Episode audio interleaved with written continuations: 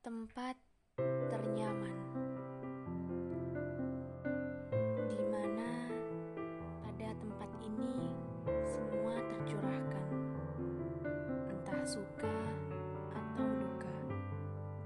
Tempat yang tidak pernah membungkam ketika kita berbicara. Tempat yang selalu menjadi selimut ketika tubuh menggigil. Tempat senyum ketika mata menangis. Tempat yang pasti mengulurkan tangan ketika tubuh tersungkur.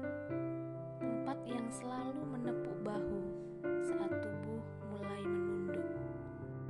Tempat yang tidak pernah bersembunyi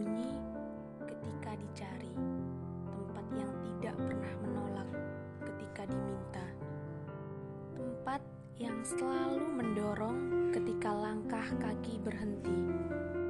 Tempat yang selalu terbuka saat kita pulang. Ya, tempat itu adalah rumah. Sebab orang terkasih